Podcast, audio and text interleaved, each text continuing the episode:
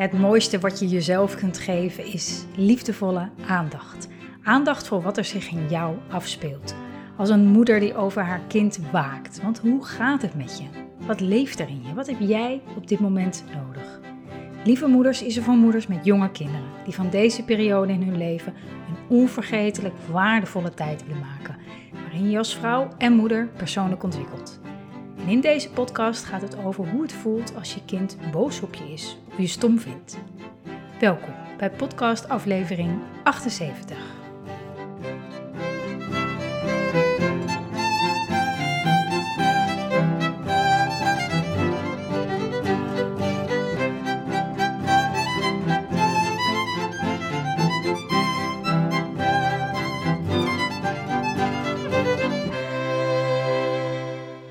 Lieve, lieve, lieve moeder. of misschien wel hele stomme moeder. In de zin van de titel van deze podcast, namelijk als je kind je nou stom vindt, boos op je is, je even helemaal niks meer van je wil. Nee, jij mag het niet doen. Je partner, je, wijst naar, je kind wijst naar je partner. Papa moet het doen, andere mama moet het doen. Nee, jij niet. Bij ons thuis komt het in ieder geval regelmatig voor dat één of soms zelfs allebei de kinderen ineens de voorkeur hebben voor mij of juist mijn partner. Of gewoonweg gewoon super, super boos is. Ze zijn nu wat ouder, dus ze kennen ook wat scheldwoorden. Nou, dat gaat er soms aan toe, joh. Maar hoe ga je daar dan mee om, hè? Wat als het je raakt? Hè? Dat je gaat, serieus gaat twijfelen of je het inderdaad allemaal wel goed doet. Was ik niet te streng? Of was ik misschien niet helder in mijn grens? Uh, je, er zijn zoveel mogelijke opties, zoveel waaraan je aan, waar je aan kan gaan twijfelen. En misschien is het de ene keer wel heel helder voor je en voel je je er eigenlijk oké bij. Hè? Snap je van oké, is boos, snap het, want. Hè? En de andere keer snap je er misschien wel helemaal niks van. En blijf je over met een soort rotgevoel. Of misschien zelfs wel een gevoel van onrecht. Hè? Alsof je kindje onrecht aandoet. Of, of, gewoon dat je er boos van raakt. Of, of bent. Dus laten we eens een situatie nemen. Hè? Je kind zegt of, of laat aan alles merken dat je stom bent. Of even helemaal niks van je wil hebben. Ja, ondanks misschien wel jouw liefdevolle pogingen. Nee, helemaal niks. Je bent stom. En dan voel jij je rot. Je hebt een rotgevoel in jezelf. Het raakt je. Je voelt je afgewezen. Laten we dan eens eerst heel goed kijken naar het verschil tussen afwijzen en een afgewezen gevoel. Afwijzen en afgewezen voelen is namelijk een, een wezenlijk verschil. Als je je afgewezen voelt, betekent niet dat iemand je ook afwijst. Het kan zijn, even, nu neem ik het even helemaal breed en niet per se alleen je kinderen, maar als jij je afgewezen voelt, betekent niet dat de ander, je kind, je partner, uh, je, leidinggevende, je collega, wie dan ook, dat die je ook echt afwijzen. Hè, soms is het een grens, soms is het uh, um, misschien de, de, toon die ervoor zorgt dat jij dat zo voelt, maar is het helemaal niet zo bedoeld. Misschien is het wel zo bedoeld, maar hoef jij je in de kern eigenlijk helemaal niet zo te voelen, afgewezen te voelen. Het is heel goed om tenminste, dat, dat, dat helpt enorm om niet in een ja, slachtofferrol te belanden. Om je te realiseren dat een afgewezen gevoel, dat, dat jij, dat dat een gevoel is in jou. In jouzelf. En als je het helemaal door wilt trekken, dan is het vaak iets wat we in onszelf afwijzen. Maar um, nou, dat kan je eens laten, laten, laten sudderen. Um, maar in ieder geval, het is nodig om verantwoordelijkheid te nemen voor dat gevoel. Dat het je raakt. en dat het je raakt, komt niet door je kind. Dat is de aanleiding. Er wordt iets in jou geraakt. Iets wat er al zat voordat je kind je sloeg, je stom vond of liever bij je partner was. En je kan stellen dat overal waar je heftige emoties bij voelt, dat dat iets in jou raakt. Iets wat er dus al zat. En lang niet altijd snappen we dat, hè? snappen we wat er precies geraakt wordt in ons. Voelen we alleen een heel naar, boos, afgewezen, verdrietig gevoel. Maar hoe beter we onszelf kennen, onze geschiedenis kennen, hoe meer je ook de, dezelfde thema's ziet terugkomen in je leven. en afwijzing is, is daar een heel nou mooi, ik weet niet of het mooi is, maar in ieder geval heel duidelijk voorbeeld in. Afwijzing is zo'n, is zo'n thema waar heel veel van ons mee, uh, mee worstelen in meer of mindere mate.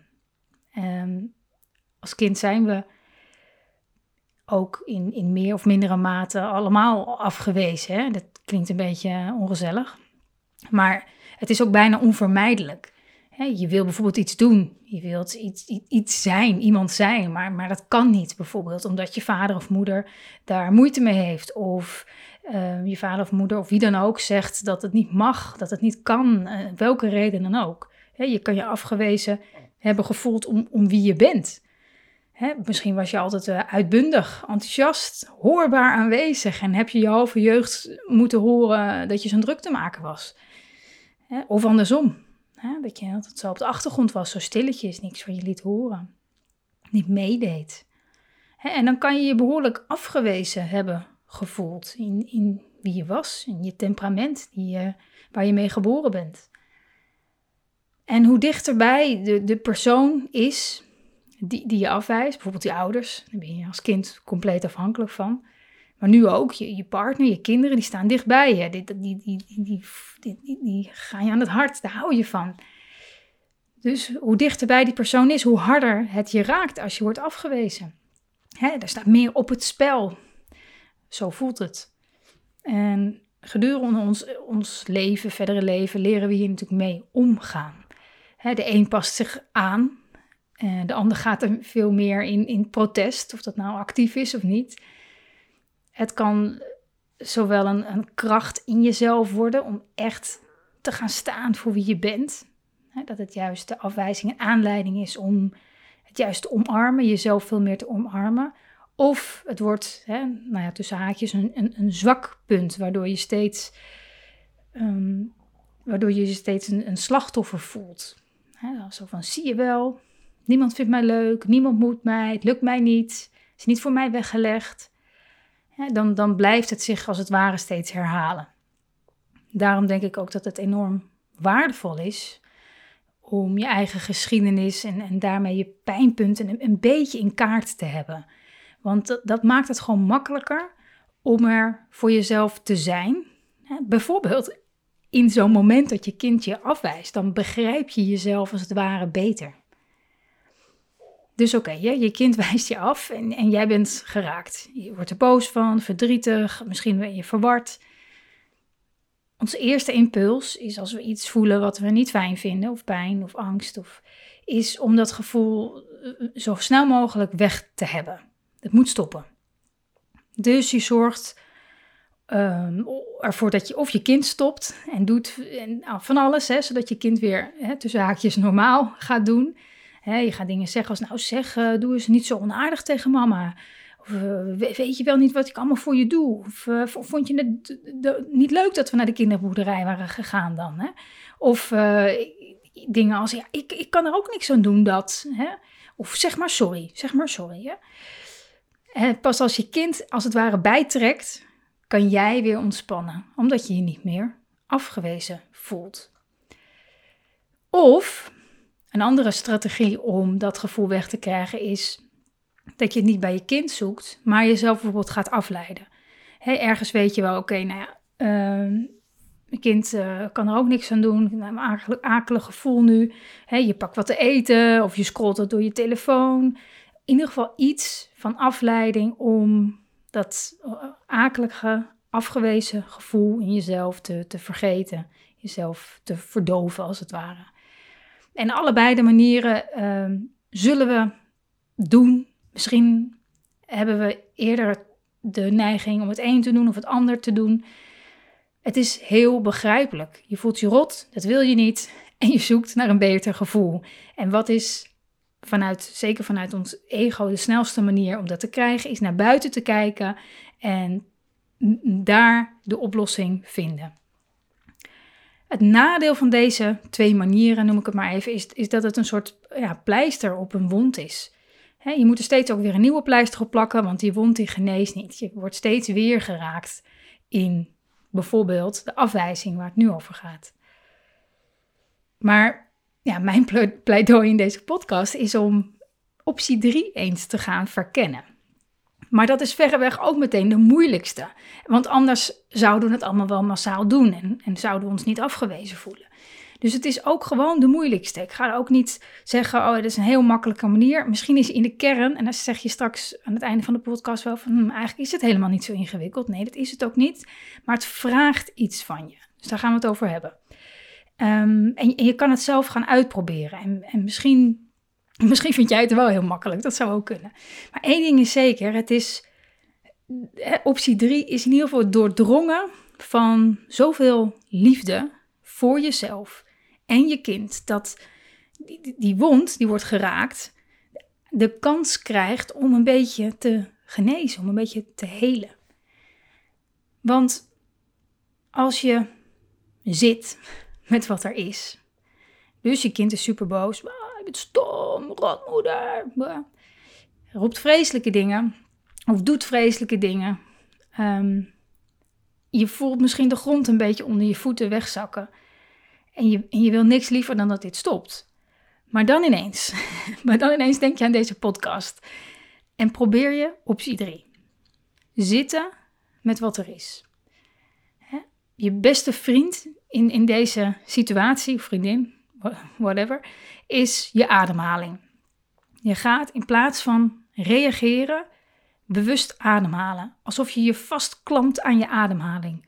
Om maar te blijven waar je bent. Met je gevoel, met je hele bewustzijn. En misschien komt daarbij wel stoom uit je oren. Het zou kunnen. Maakt niet uit. het maakt jou wel uit op dat moment, maar laat het er zijn. Laat ik het zo zeggen je reageert niet voordat je minimaal heel eventjes hebt gezeten met dit gevoel. En je voelt wat het met je lijf doet. Dat akelige gevoel. Je kind die zegt dat je stom bent. Dat jij niet naar bed, hè, dat jij niet degene bent die je zoon of dochter naar bed mag brengen. Ga maar eens na welke impulsen je dan allemaal hebt impulsen waar ik het net over had, om het te weg te laten zijn. Dingen die je zo graag zou willen zeggen, die je zou willen doen. In plaats daarvan blijf je even met wat er is. En, en dit kan je trainen. Dit is echt iets wat je kan beoefenen.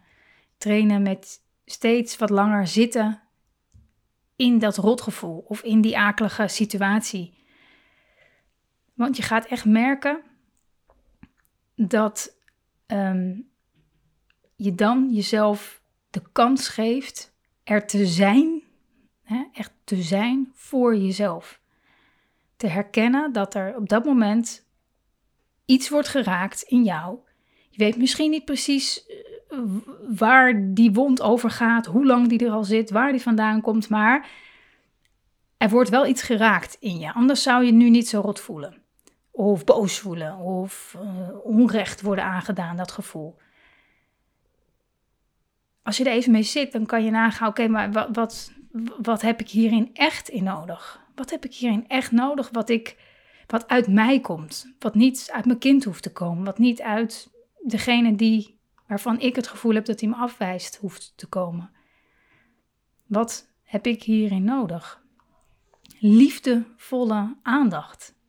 Liefdevolle aandacht. Hetzelfde wat je nodig heeft als hij te pletter valt en een gat in zijn hoofd heeft of, of in zijn knie. Wat doe je dan? Weet je, dan zeg je, oh lieverd, gaat het? Laat eens kijken. Ach, jee, dat ziet er akelig uit. Oh, ik zie en ik hoor aan je dat het enorm veel pijn doet. Kom maar even bij mama zitten. Trekt echt zo weer weg die pijn. En dan, en dan gaan we een pleister plakken. Maar kom eerst even bij me. Och, lieverd, wat doet het zeer? Weet je, en als je zo even zit met je kind, vaak hoor je dan na verloop van tijd of je kind gaat van je schoot af omdat het weer gaat. Of je voelt ineens een diepe zucht. Hè, dan is de ergste pijn als het ware voorbij. In jouw liefdevolle aanwezigheid heeft je kind die akelige, akelige pijn van die wond even kunnen voelen. Maar je kind was niet alleen, jij was erbij. En daardoor was het te dragen. Hè? Als het gaat om de afwijzing, die pijn kan net zo ruw en zo rauw voelen als dat je je te pletter valt op je knie, op je hoofd. Die kan net zo akelig voelen. En als je er even bij blijft en je die, dat akelige, akelige gevoel, dat je in ieder geval jezelf de kans geeft om dat te kunnen verdragen, als het ware, dan komt er ook een moment dat je, dat je denkt, nu is het oké, ik voel het niet meer zo rauw. Vind het nog steeds niet heel leuk. Het voelt nog steeds een beetje, mm, mm, mm, maar het voelt niet meer zo rauw. En dan pak je misschien een glas water. Of je realiseert je ineens dat de afwijzing van je kind niet over jou als persoon, als mens gaat. Maar dat je kind gewoon boos is. Niet eens met de gang van zaken. En, en jij gewoon een lieve moeder bent die zojuist even is blijven zitten met dat akelige gevoel. Zonder het af te reageren op je kind. En met heel veel liefdevolle aandacht voor zichzelf. En het kan heel goed dat het, dat je daarmee, dat het daarmee af is, dat het daarmee oké is. Maar het kan ook heel goed zijn dat hè, vanuit ons ego al snel weer uh, allerlei gedachten ontstaan als ja, maar als ik hier niet op reageer, als ik hier niks aan doe, dan denkt mijn kind dat het normaal is om zo te doen tegen anderen. Niet alleen tegen mij, maar ook tegen anderen. En, en, en wat nu als hij of zij dit nou blijft doen tegen mij of in zijn verdere leven? dat als het uh, hem of haar niet zint, gewoon woest worden of allemaal nare dingen zeggen of gaat slaan. Ik moet hem toch leren dat als dat soort gedachten je eigenlijk weerhouden om te blijven waar je bent, eh, dan helpt één belangrijke vraag die, ik, die mij al menig keren uit de reactiemodus heeft gehaald. Ehm, en dat is, wat nou als ik zeker weet dat mijn kind geen gevoelloos, egocentrisch wezen wordt of op, zo opgroeit, maar ik zeker weet dat hij of zij, net als ik, opgroeit tot een liefdevol, empathisch mens. je hebt een glazen bol en je ziet dat. Je ziet je kind zo functioneren in de wereld. dat kan niet in het echt, maar stel je voor dat je dat zou zien. Je ziet het. Wat zou je dan op dit moment doen? Wat zou je dan nu doen? Zou je dan ook nog reageren? Zou je dan toch nog iets zeggen? En zo ja, wat zou je dan zeggen? Wat zou je dan willen delen met je kind? Wat zou je dan willen doen? wat zou je zeggen of doen vanuit liefde en vertrouwen? En ik weet dat je onze manier van, van opvoeden en hoe we zelf zijn groot, grootgebracht, staat vaak zo ver hier vandaan.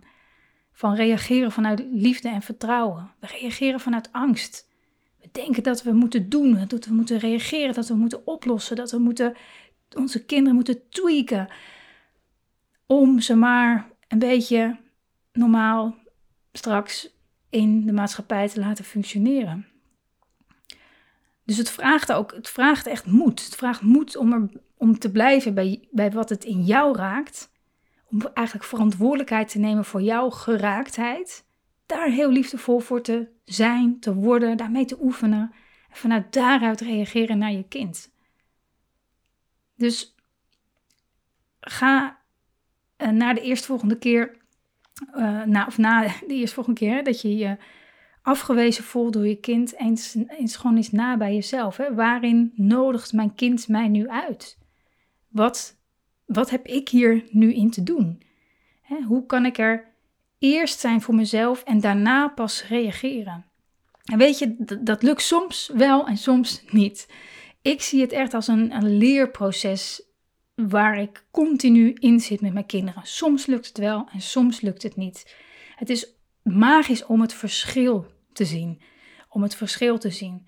tussen reageren vanuit angst om meteen dat akelige gevoel jezelf weg te willen hebben en je kind moet zich aanpassen en, dan, en te kiezen voor liefde en vertrouwen en verantwoordelijkheid te nemen voor je eigen gevoel. Het is magisch wat je dan ziet ontstaan in de dynamiek tussen jou en je kind, gewoon in het moment. Maar ondanks dat ik dat al dat verschil heel goed kan zien, is het nog steeds dat ik af en toe onbewust meteen in die angst schiet. Dus het is een kwestie van oefenen.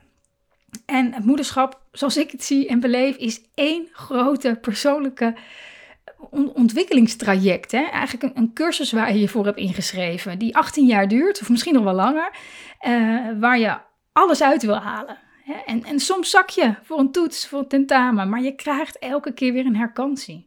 herkansing. En ik, ik geloof dat zo in het moederschap staan, nieuwsgierig, leergierig als het ware, dat die, alleen al die houding um, veel, vele malen luchtiger voelt voor jezelf en dat je kind dat ook meekrijgt.